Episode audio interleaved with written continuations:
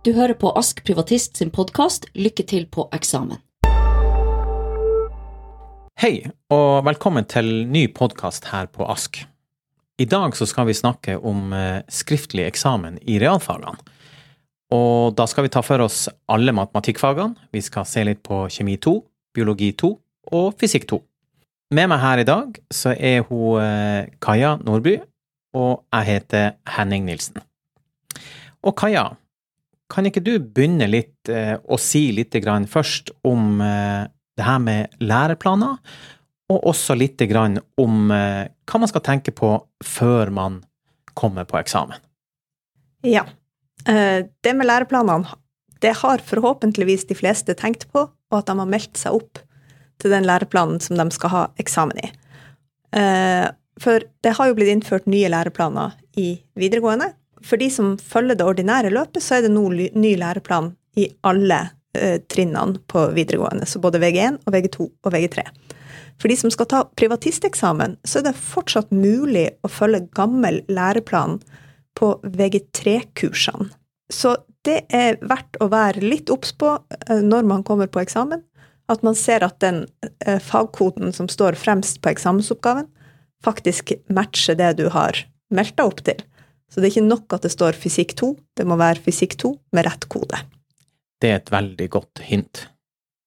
Ellers, før man møter opp på eksamen, så én ting er å vite at man har, vet hvilken kode man har meldt seg opp til, men det er lurt å møte opp i god tid. Så vit hvor du skal, og hvis det er et eksamenslokale du ikke har vært på før, eller ikke vet hvor er hen, så dra dit gjerne en dag eller to i forveien, sånn at du vet at du kommer til å klare å finne det og at du finner det innenfor den tida da eksamen starter. Og så må du ha med legitimasjon. Og det er lurt å ha med litt å spise og litt å drikke, for eksamen er jo fem timer. Eh, men det her er jo ikke dagen for det knitrete matpapiret.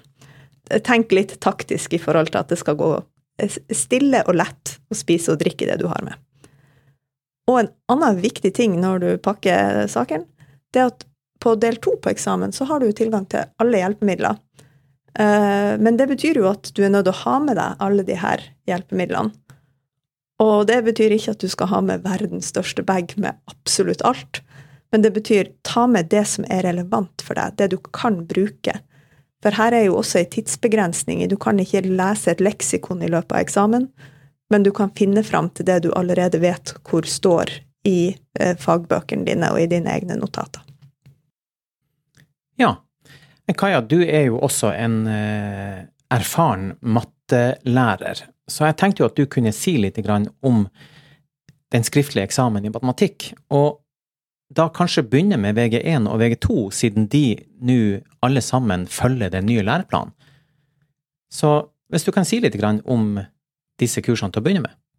Det kan jeg. Eh, det som jo eh, er nytt da i de her kursene, er jo timefordelinga. Så for VG1 og VG2-fagene, og det er altså snakk om 1T og 1P og 2P og R1 og S1, eh, så er nå den fordelinga mellom den del 1, hvor dere altså ikke har hjelpemidler, den er nå én time, mens del 2, hvor dere har alle hjelpemidler, er fire timer. Og så er det kanskje noen VG1-elever som tenker sånn shit, hun sa ikke mitt fag. Og da hadde du sannsynligvis 1PY, så 1P for yrkesfag. Den har litt annen timefordeling. Den har én time uten hjelpemidler og tre timer med alle hjelpemidlene. Ja, så der er det jo en eksamen som bare varer i fire timer. Så er det jo sånn at det også er ulike oppgavetyper på eksamen i matematikk. Kan du si litt om det, og kanskje si litt kort om hva du eventuelt kan finne på del én, og hva du kan finne på del to? Ja, eh, det er jo òg nytt med den nye læreplanen, er jo at man har laga tre kategorier av oppgaver. Og du kan si at det, det er på en måte stigende, stigende, vanskelighetsgrad på de her oppgavene. Eh, kategori én er korte og relativt eh, enkle oppgaver som, som tester at du har grunnleggende forståelse. Det er typisk oppgaver som kommer på eh, del én i all hovedsak, men de dukker også opp på del to. Kategori nummer to er litt mer komplekse oppgaver, hvor man kanskje må bruke eh, kunnskap fra flere forskjellige områder innenfor faget og sette det sammen.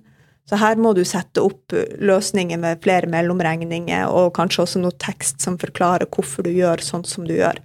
Så det her er større oppgaver. Hvis dere har sett på gamle eksamenssett, så er det her klassiske eksamensoppgaver. De kan komme både på del 1 og på del 2. Mens den siste kategorien, så kategori nummer 3, det er vanskeligere oppgaver. Her er det forventa at dere skal kunne drøfte, dere skal kunne kanskje lage deres egne problemstillinger. De her oppgavene tar lang tid, så det kommer få av dem på eksamen. Kanskje én eller to. Og de kommer vanligvis på del to, hvor dere har eh, alle hjelpemidler og sånn sett kan utdype mer enn dere er forventa å kunne på del én.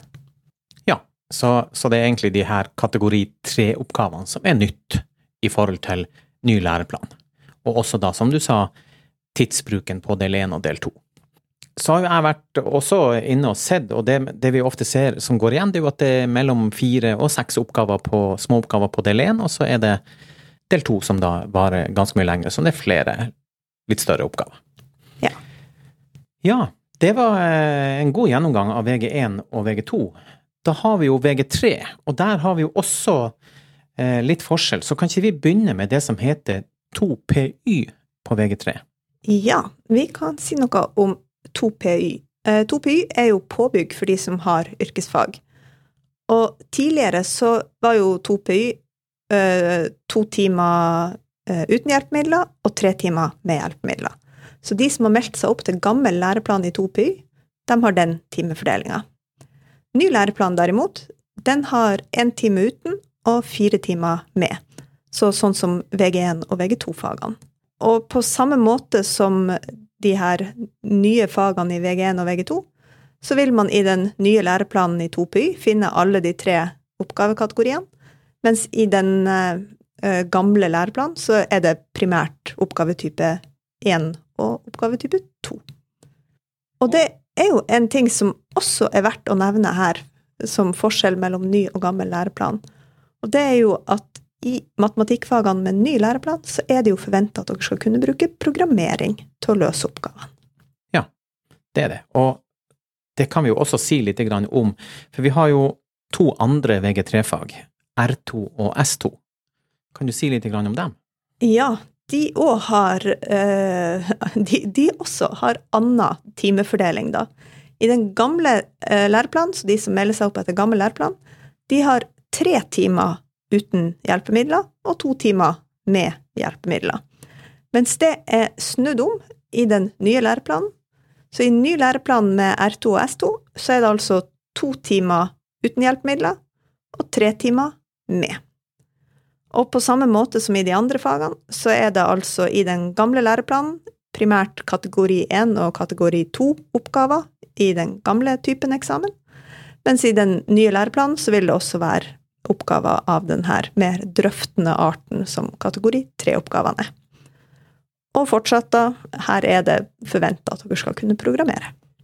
Ja. Har du lyst til å si litt om det her med programmering, veldig kort? Ja, husk nå at eh, det er jo programmering på mattefaget sine premisser, sånn at det er ikke forventa at dere skal lage store og veldig kompliserte programmer, men det er forventa at dere skal kunne bruke programmering som et verktøy for å løse matematikkproblemene som dere skal løse. Eh, og det som er viktig, da, det er jo at eh, hvordan dere har løst dette problemet, må komme med i besvarelsen. Så hvis dere har skrevet et program, så må dere ta bilde av den programkoden og lime det inn i eksamensbesvarelsen deres, i lag med den outputen eller det svaret som dere får fra programmet. Så det er ikke nok å løse oppgaven, du må også ha med det programmet som du har brukt til å løse oppgaven. Ja, og det er jo, eh, når vi nå snakker matematikk generelt, så er det jo eh, noe som skal kunne gjøres digitalt. Jeg tenker da at du skal kunne bruke GeoGebra, Excel, programmering, og her er det jo da viktig for eh, alle at man har det tilgjengelig på maskinen sin. Du snakka innledningsvis om viktige hjelpemidler. Ja, i matematikk så er jo veldig viktig å beherske GeoGebra. Kanskje har du et av de mattefagene som har bruk for regneark, så da er det lurt å ha det.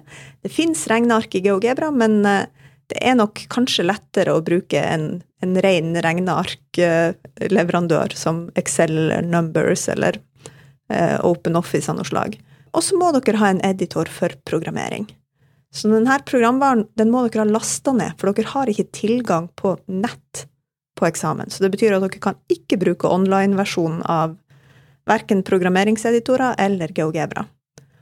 Og så må dere huske at hva enn dere løser i GeoGebra eller Excel eller, eh, eller med programmering, så må dere huske å ta bilder av både løsninga deres, så det dere har skrevet inn i GeoGebra eller Excel, og hvis dere har brukt Excel eller en annen regnearkoperatør, så må dere også ta bilde av formlene. For det er jo formlene som er det som får regnearket til å funke.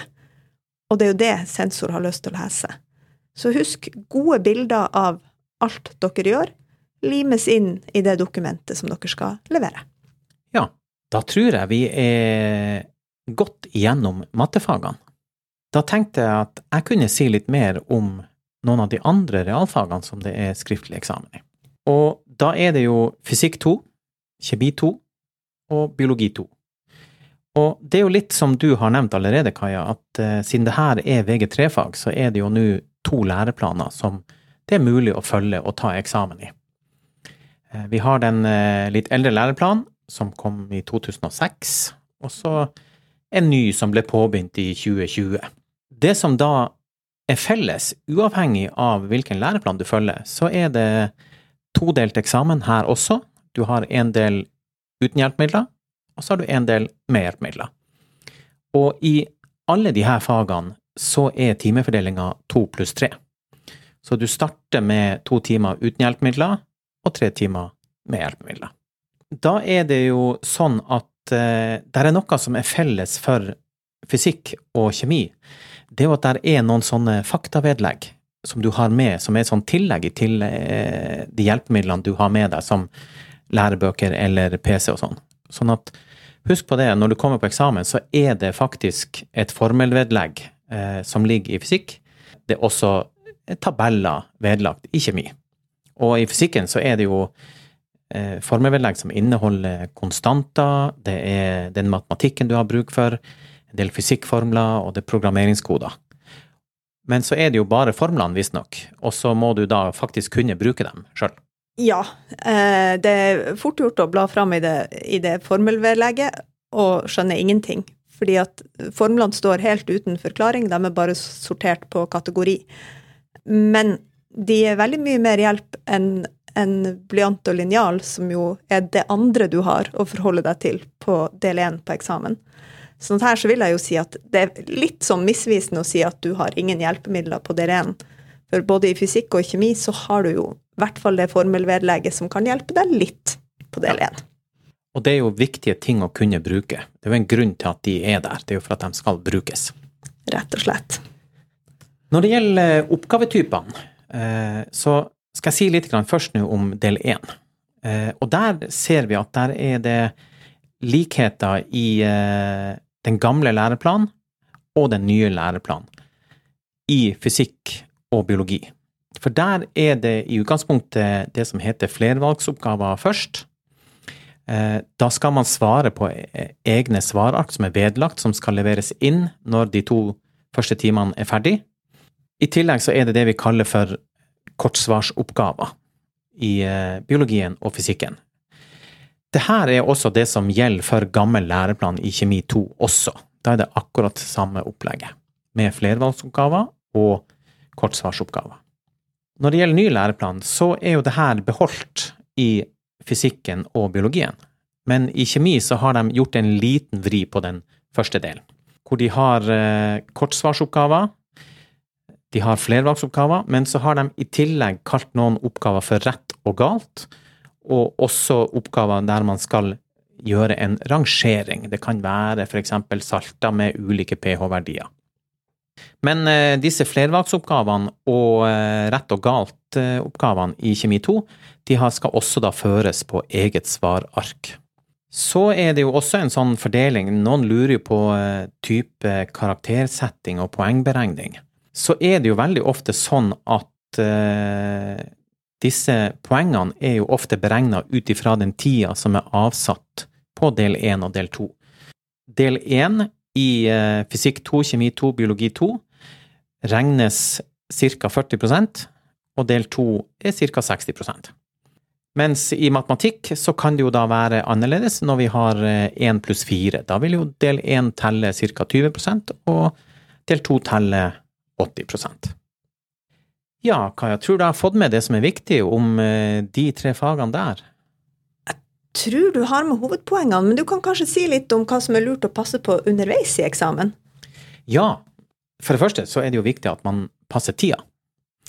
Det er jo eh, to timer på del én, og bruker å si at eh, på disse flervalgsoppgavene så er det beregna at du skal bruke ca. en time, og kortsvarsoppgavene er også da ca. en time. Samme gjelder jo da når du kommer på del to. Passe på tida underveis, og sørge for at du har tid nok til å svare på alle oppgavene. Jeg har anbefalt tidligere at eh, man kanskje, når man får oppgavesettet, så kan man jo gå gjennom oppgavesettet og se litt kort over oppgavene.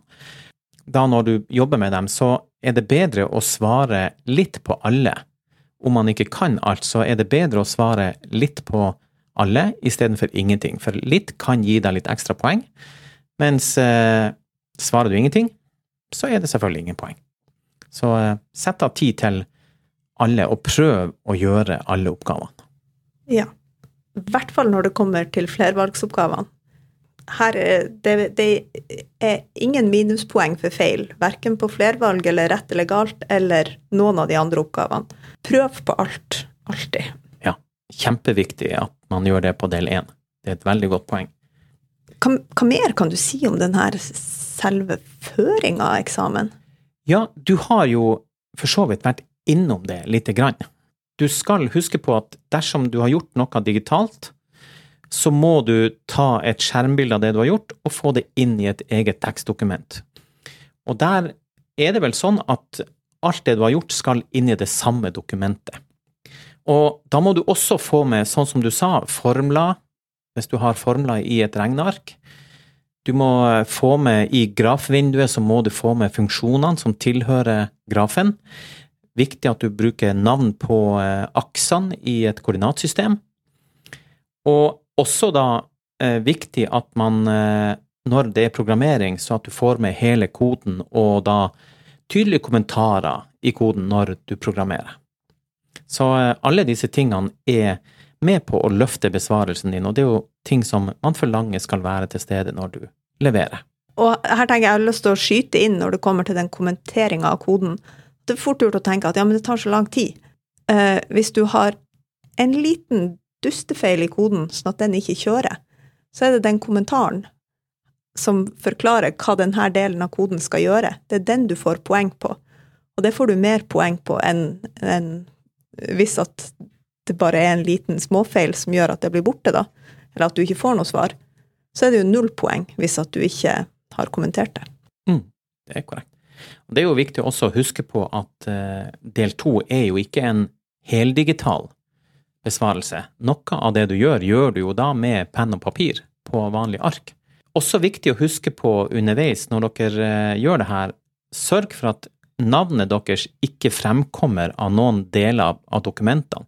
Det som skal være, det er jo den, eh, det kandidatnummeret dere har. Og det skal ikke være navn, for det skal jo være helt anonymt alt. Så husk på det.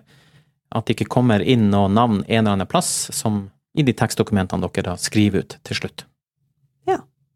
Men uh, hvordan kan uh, ASK hjelpe til med skriftlig eksamen, da? Her er det flere ting. Altså, ASK har jo blant annet innleveringer innlevering i alle fagene. Og vi har jo anbefalt og anbefaler å gjøre disse innleveringene da får du de retta med kommentarer, og så får man jo løsningsforslag når man får det tilbake. Så du vil se hvordan det gjøres. Og da får du jo også trening i å gjøre de her oppgavene. Men det vi også selvfølgelig anbefaler, og som vi har lagt ut på ASK, det er jo tidligere eksamenssett. Så frem mot en skriftlig eksamen så er det jo det å løse tidligere eksamensoppgaver er jo kjempeviktig, fordi at du får trening i å løse de samme type oppgavene som du får på eksamen.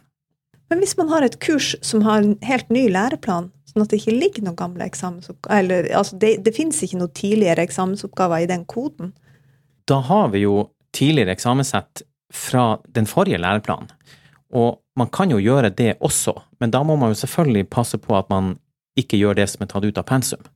Men selv om det er eksamenssett som ikke tilhører læreplanen du jobber med i dag, gjør det også. Det å trene på å gjøre matematikk, det skader jo ikke i det hele tatt. Enn er det noe mer? Ja, Noe mer hjelp å få? vi har jo to ting til som vi gjerne vil ha frem, og det er jo for det første det her med live veiledning. Vi har jo eh, relativt sett ganske mye live veiledning i alle realfag. Det være seg matte, fysikk, kjemi, biologi eller naturfag.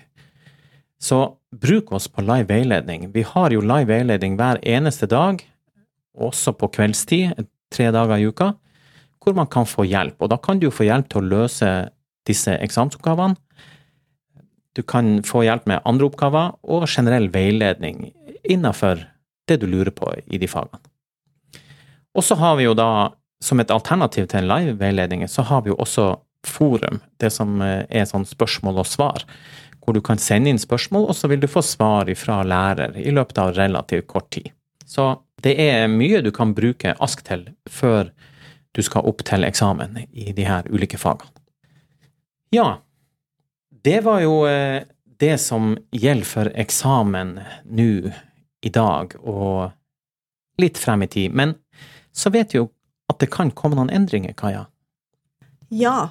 eh, det er jo kanskje noen som har fått med seg at det har vært en del frem og tilbake rundt eksamen den siste tida. Og det vises jo litt i at vi er så mange forskjellige timefordelinger på matematikkeksamen, f.eks. Her har man bestemt og ombestemt seg mange ganger på veien. Eh, og det handler jo om at man i utgangspunktet hadde tenkt at det skulle legges om til heldigital eksamen i alle fag. Og så viste det seg at den endringa, den eh, var man kanskje ikke helt klar for. Men det er fortsatt en ambisjon om at eksamen skal bli heldigital i en eller annen form. Og det betyr jo at fra våren 24, som er det vel vi har fått beskjed om at denne eksamensordninga varer til, så er det litt uklart hvordan eksamen blir. Men det blir jo fortsatt eksamen i realfag. Eh, Så innholdet blir det samme, det er bare mer et spørsmål om blir det digitalt, blir det med eller uten hjelpemidler, hvor mye hjelpemidler. Og så må vi nok fremover forvente mer programmering i de fagene som har programmering. For nå lærer de jo å programmere i matematikken på ungdomsskolen, og, og også litt på barneskolen. Så da må vi jo forvente at nivået på programmeringa øker en del i matematikk i videregående, og også i de her andre fagene som programmerer, som fysikk. Kan jo bare skyte inn til slutt. Programmering er jo faktisk ikke i kjemi 2 og biologi 2. Men som du sier, i mattefagene og i fysikk 2 så vil man kunne forvente mer programmering etter hvert. Ja, etter hvert. Men eh, ikke med det helt første. Det var eh, det vi hadde lyst til å si om skriftlig eksamen i de her eh, realfagene. Så da sier jeg bare tusen takk til deg, Kaja. Hyggelig. Og så sier vi takk for oss, og så ønsker vi dere alle sammen lykke til på eksamen. Lykke til. Lykke til på eksamen er laga av Ask Privatist.